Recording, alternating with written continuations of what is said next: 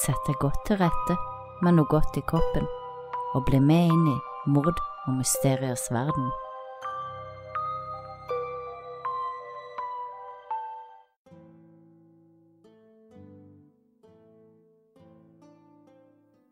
Sarah Stern ble født i 1997 til foreldrene Carla og Michael Stern.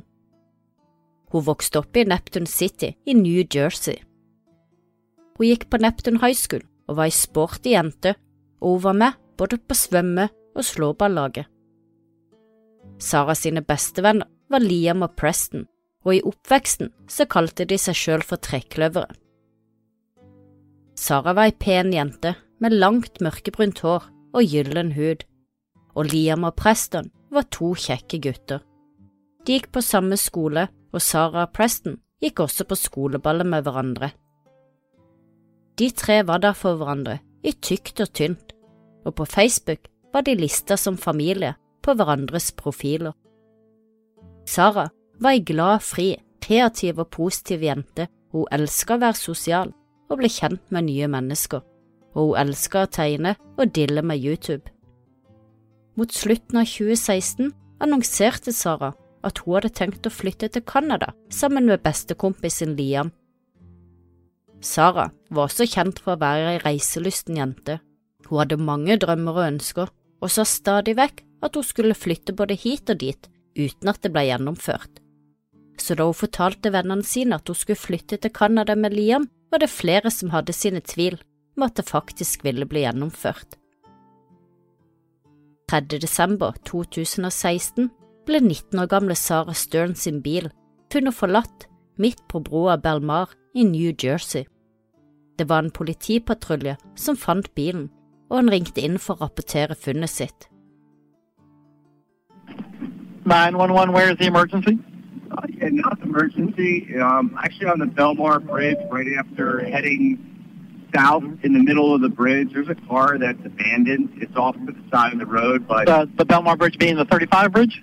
uh, yeah, the 35 bridge would be going over the going from north going south. I'm driving Uber and Lyft tonight, so I just figured I'd give a call in because it's kind of hard to see. I think if you're coming the other way, And uh, was there anybody inside the vehicle? I looked no. Okay. Unless they were sleeping, I couldn't see them by their head being up. Nobody Okay. looked like they were in it. Ved nærmere undersøkelse så oppdaga politiet at nøklene fremdeles står i tenninga.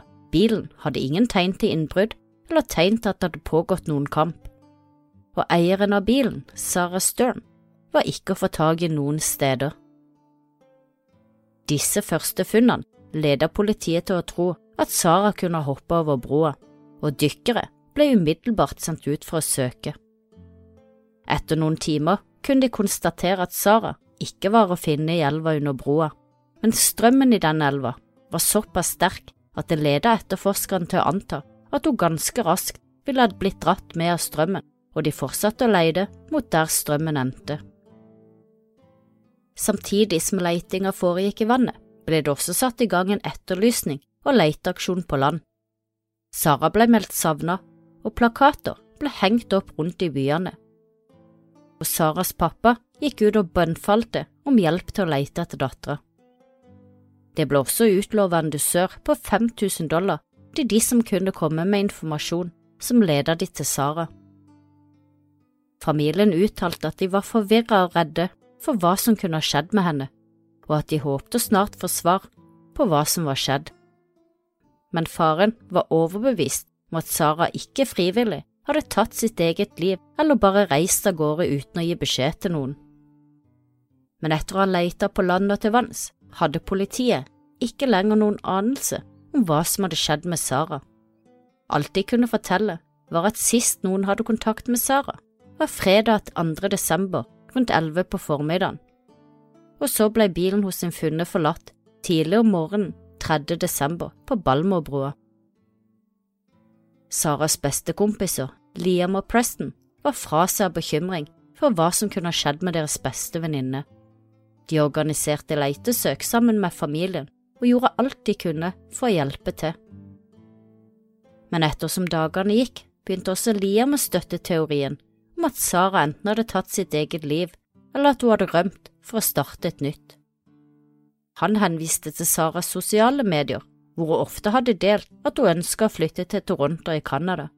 Dette var informasjon som Liam delte med politiet. Han fortalte også til politiet at Sara en gang tidligere hadde forsøkt å ta sitt eget liv, da mora hennes hadde dødd av kreft noen år tidligere. I tillegg kunne han informere om at Sara og faren hadde et dårlig forhold og krangla mye. Liam ble også intervjua av et nyhetsbyrå, og der fortalte han at Saras far hadde svindla henne for penger etter morens død, og at Sara hadde problemer med å stole på sin far. Han forteller også her at Sara tidligere har forsøkt å begå selvmord. I know that her dad's taken money from her in the past. Uh, I think her mom was supposed to leave her money or something. I know she definitely has a lot of trust issues with her dad. So I've just been trying to help her out with that. She has had a tendency to have self destructive suicidal behavior. Mens Liam snakker med politiet, kommer det også fram at han var den siste Sara var i kontakt med før hun forsvant. Han forteller politiet at han gjorde noen ærend med Sara før han måtte være på arbeid kvart på fire. Han forteller også politiet at Sara hadde vært innom en bank og tatt ut en del penger, og at hun i den siste tida hadde satt bort kasser med eiendeler hos venner. Og han nevner igjen Canada som et sted Sara lenge har drømt om å flytte til. Liam spør også politiet om at hvis Sara har hoppa fra broa, hvor stor er da oddsen for at kroppen hennes har blitt dratt langt til havs med strømmene? Politiet svarer med å spørre om Sara hadde fortalt ham at hun skulle hoppe fra broa, noe Liam svarer nei til.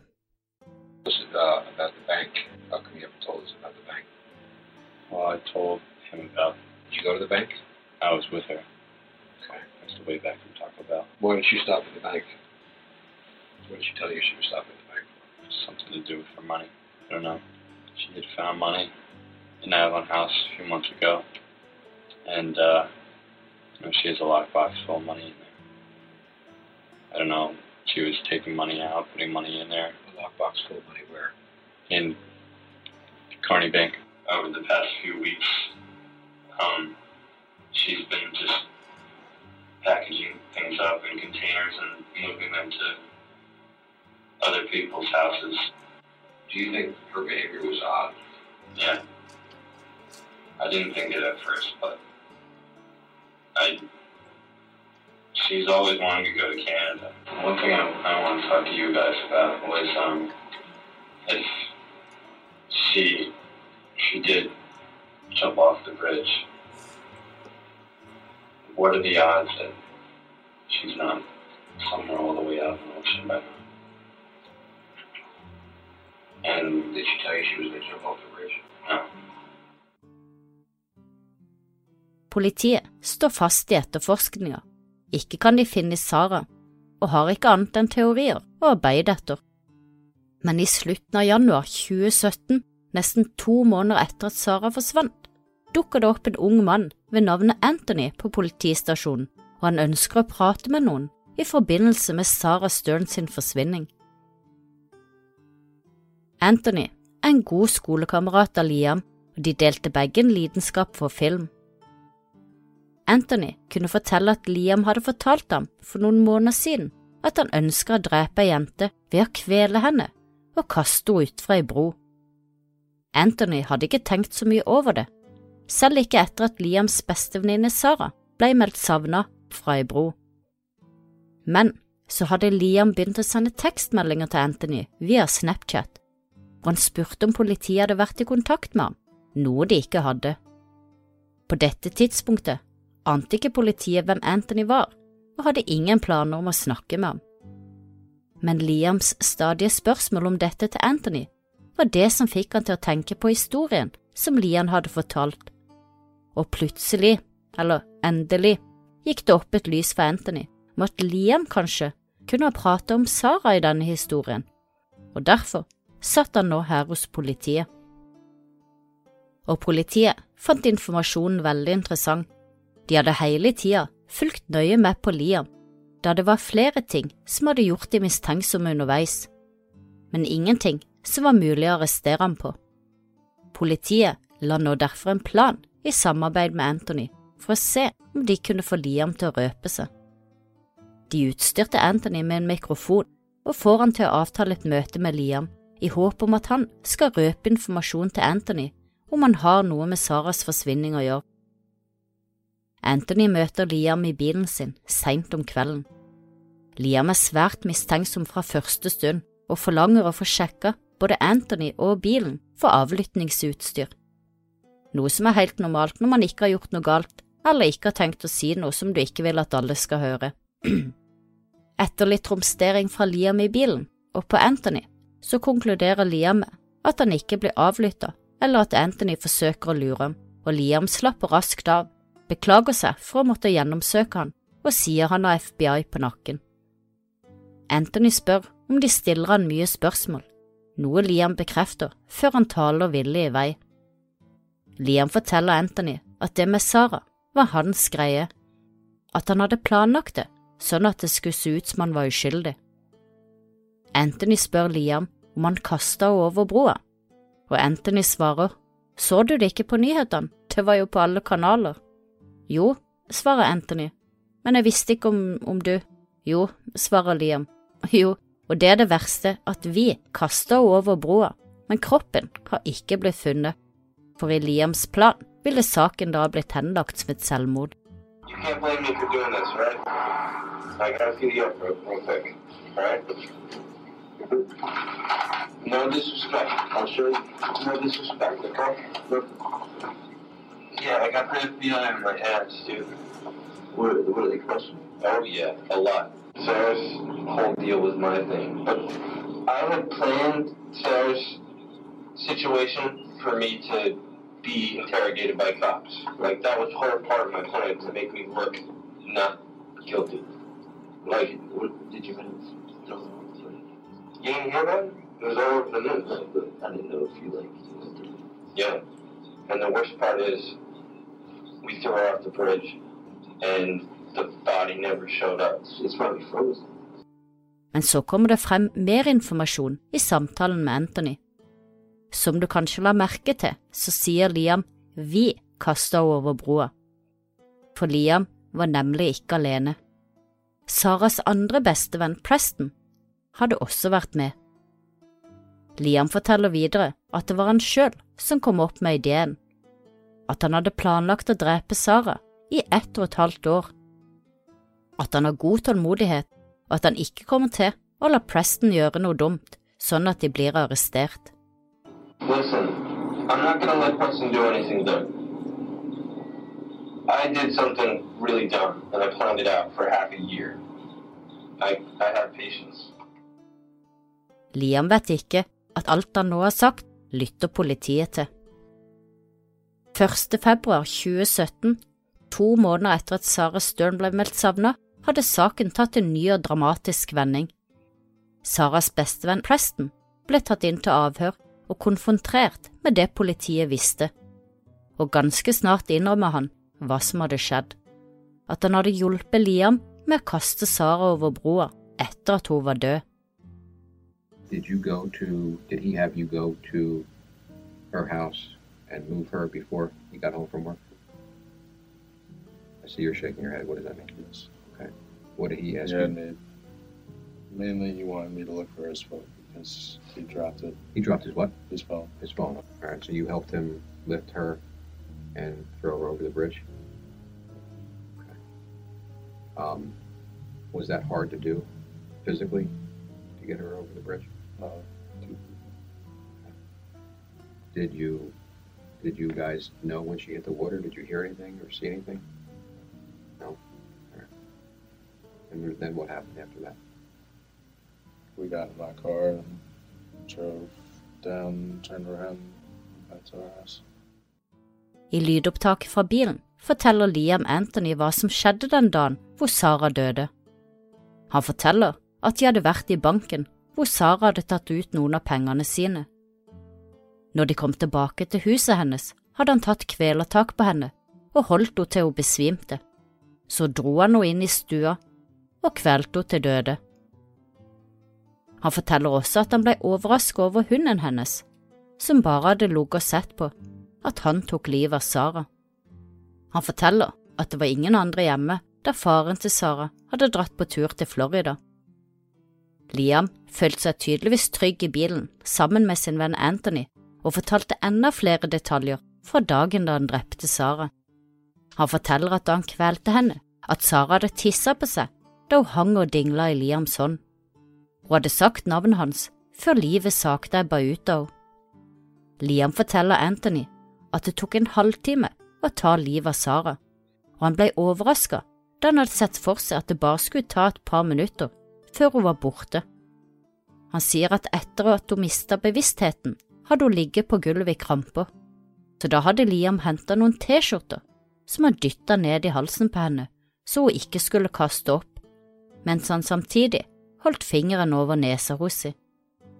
Og så hadde han satt på en timer, og det var sånn han hadde visst at det hadde tatt nesten 30 minutter før hun faktisk døde. Så forteller han lett videre om at noen ting skjer uventet og er vanskelig å planlegge. At han den første måneden etter drapet ble avhørt en del av politiet, men at han tror at de er ferdig med han nå, og at han ikke føler seg noe annerledes nå enn før drapet, og at han ikke tenker så mye på det som skjedde. Han sier også man tror alltid at man skal endre seg når man prøver noe nytt, men så ble ingenting annerledes. Dude. Alright, so I'm hanging out with her. She has we we went to the bank, she took some money out, not all of her money. We're counting it out and then she goes to walk out the front door. I choke her out, drag her. My biggest problem was the dog, and her dog laid there and watched as I killed her. Didn't do anything. Nobody was there? No, nobody was there. Even her dad wasn't there. He was in Florida. Yeah, you said that he was Yeah. So I have to leave. I dropped my phone at Sarah's house. My phone was at Sarah's house. Like, Wait, you left your phone? yeah, I lost it. I couldn't find it. I had to go to work. I had timed everything out. You left it in your pocket. Dude, What were you doing? strangling someone. I pretty much hung her, like, I just, I picked her up and had her just, like, dangling off the ground, and she just pissed herself. And Did you lose control said my name, and then that was it. And it took me a half an hour to kill her. I thought I was going to be able to choke her out and have her out in, like, a couple minutes. I choked her out, and then she was just laying there having a seizure or something. So then I just, I had to, I got a shirt and I just shoved it down her throat so she wouldn't throw up or anything, and held my finger over her nose and set a timer. And it took me like a half an hour after I hit start. This, this is the thing about like heists. There's so much that you can't account for. You don't know. Yeah, you, you don't know until it happens. And the, the next month was just me getting interrogated by cops over and over and over again. That's all over now, though. I think everything's over. I don't feel any different, and I don't think about it. You always think you're going to try these new things, and you're going to change. But it didn't change. It just doesn't do anything. Det kommer også frem fra lydopptaket i bilen hva som var Liams motiv. Saras mor hadde dødd et par år tidligere og hadde etterlatt Sara en stor arv, noe Liam hadde fått rede på. Og den dagen han drepte Sara, så trodde han at hun hadde tatt ut hele arven, og det var disse pengene Liam ville ha tak i.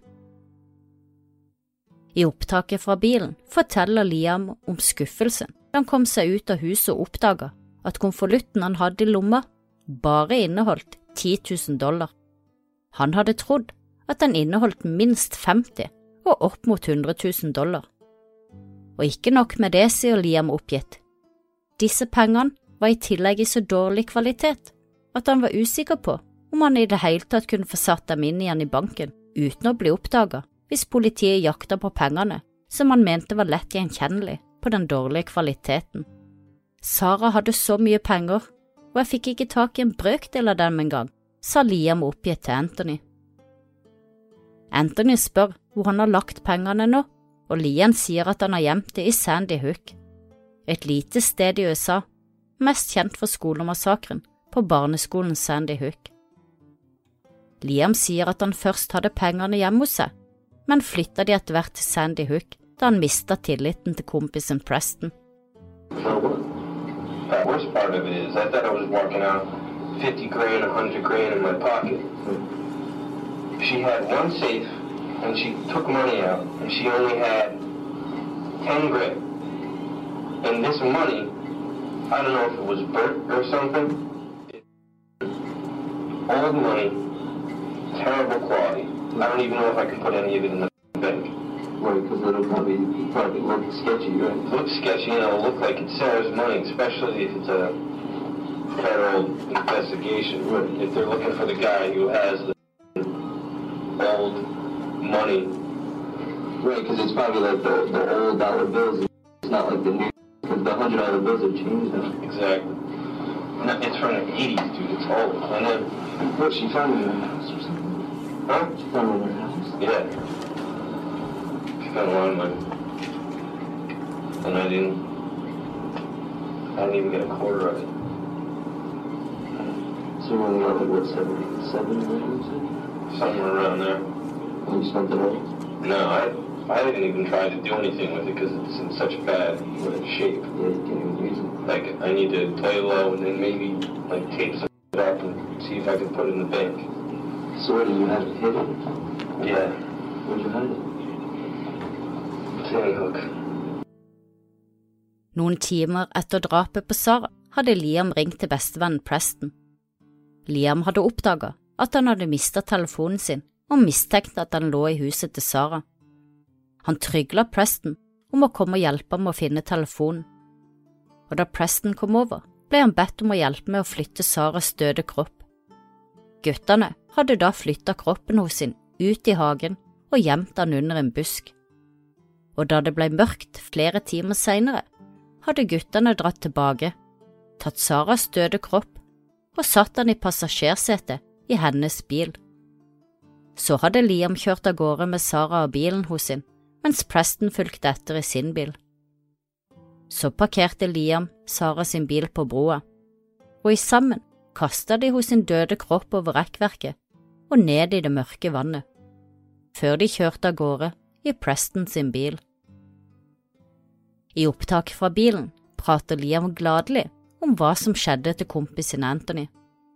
Her kommer det fram at Liam hadde studert hvordan, hvor og når Sara kjørte. Han visste at det var et overvåkningskamera der hun rygga ut på gata, så han hadde vært veldig bevisst på å kjøre akkurat sånn som hun gjorde, sånn at det på overvåkningsvideoen ville se ut som om det var Sara selv som kjørte bilen. Get into her car and I back up. She had, there's a security camera across the street. So I had to back, I had to act like her. I watched her every time she backed out. She does the same thing. So I backed out exactly like she did and drove off. Put it in the trunk. Nah, put her in the passenger seat of her own car. And I had her buckled in in the passenger Right, so seat. she looks like she's just sleeping. Etter at Liam ble arrestert og konfrontert med opptaket fra bilen, nekta Liam for at han hadde drept Sara, og han nekta for at opptaket var en innrømmelse. I stedet så hevda han at det hele hadde vært en audition. Selvfølgelig var det ingen som trodde på dette, og hele samtalen hadde jo vært satt opp av politiet og kompisen, så hvorfor Liam trodde at den unnskyldninga skulle være troverdig, det må gudene vite. Prest sa seg skyldig på alle punkter, og gikk også med på å vitne mot sin tidligere bestevenn Liam. Han ble også med tilbake til åstedet og viste retten hvor og hvordan han og Liam hadde flytta Sara ut i hagen og gjemt henne under en busk. Siden Preston sa seg skyldig på alle punkter, ble det ingen rettssak, og Preston fikk en dom på 18 år. Han ble ikke dømt for selve drapet, men for ran, medvirkning og likskjending, og det at han vitna mot Liam og hele tida var samarbeidsvillig med politiet, hjalp han til en lavere straff. Men Liam derimot hevda hele veien at han var uskyldig, og saken hans kom derfor opp for retten. Liams advokat hevda utrolig nok at opptakene virka som de var skissert på forhånd, og siden Liam pratet om drapet som om han skulle prate om lunsjen sin, så mente advokaten at det var bevis for at hele samtalen i bilen var oppdikta.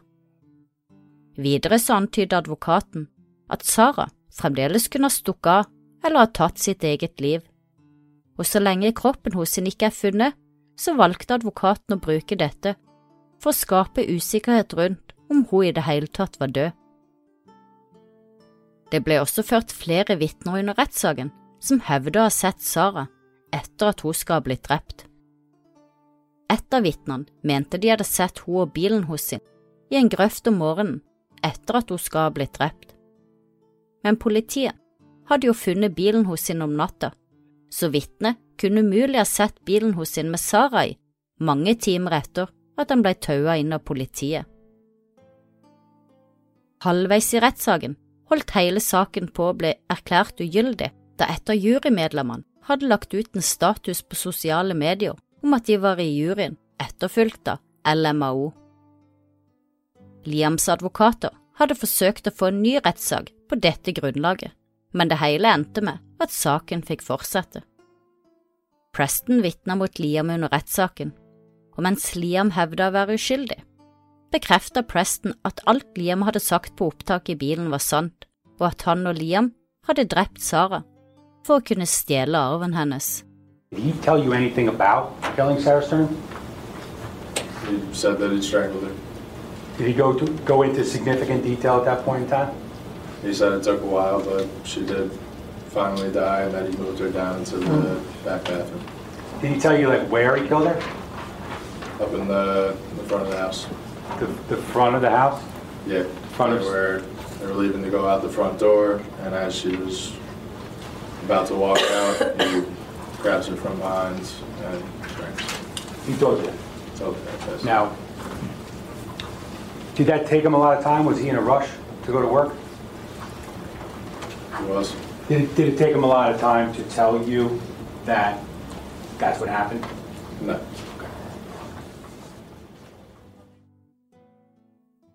I februar 2019 kom endelig dommen, og Liam ble funnet skyldig på alle syv tiltalepunkter.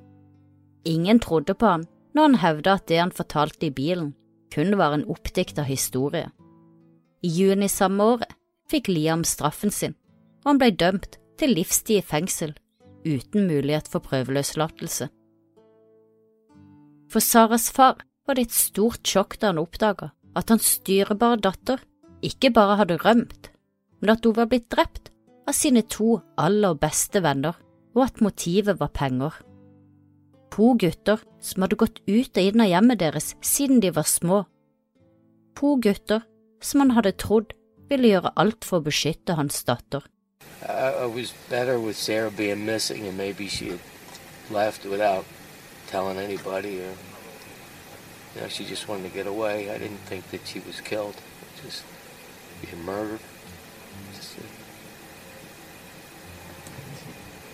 it's just a horrible thing to hear. And then hearing and seeing the the two boys that I knew. Sarah knew him. She was, uh, you know, she was friends with them and uh,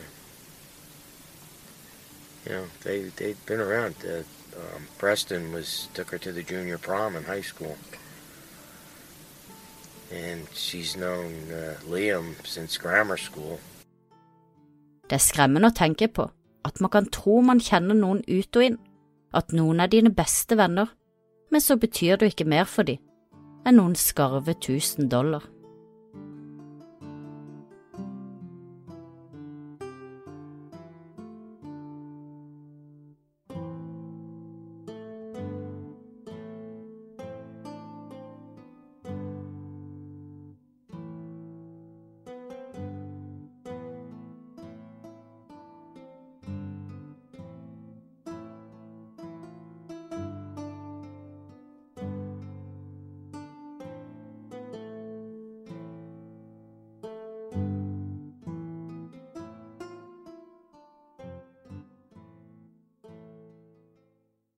Har du et enkeltpersonforetak eller en liten bedrift? Da er du sikkert lei av å høre meg snakke om hvor enkelt det er med kvitteringer og bilag i fiken, så vi eh, gir oss her, vi.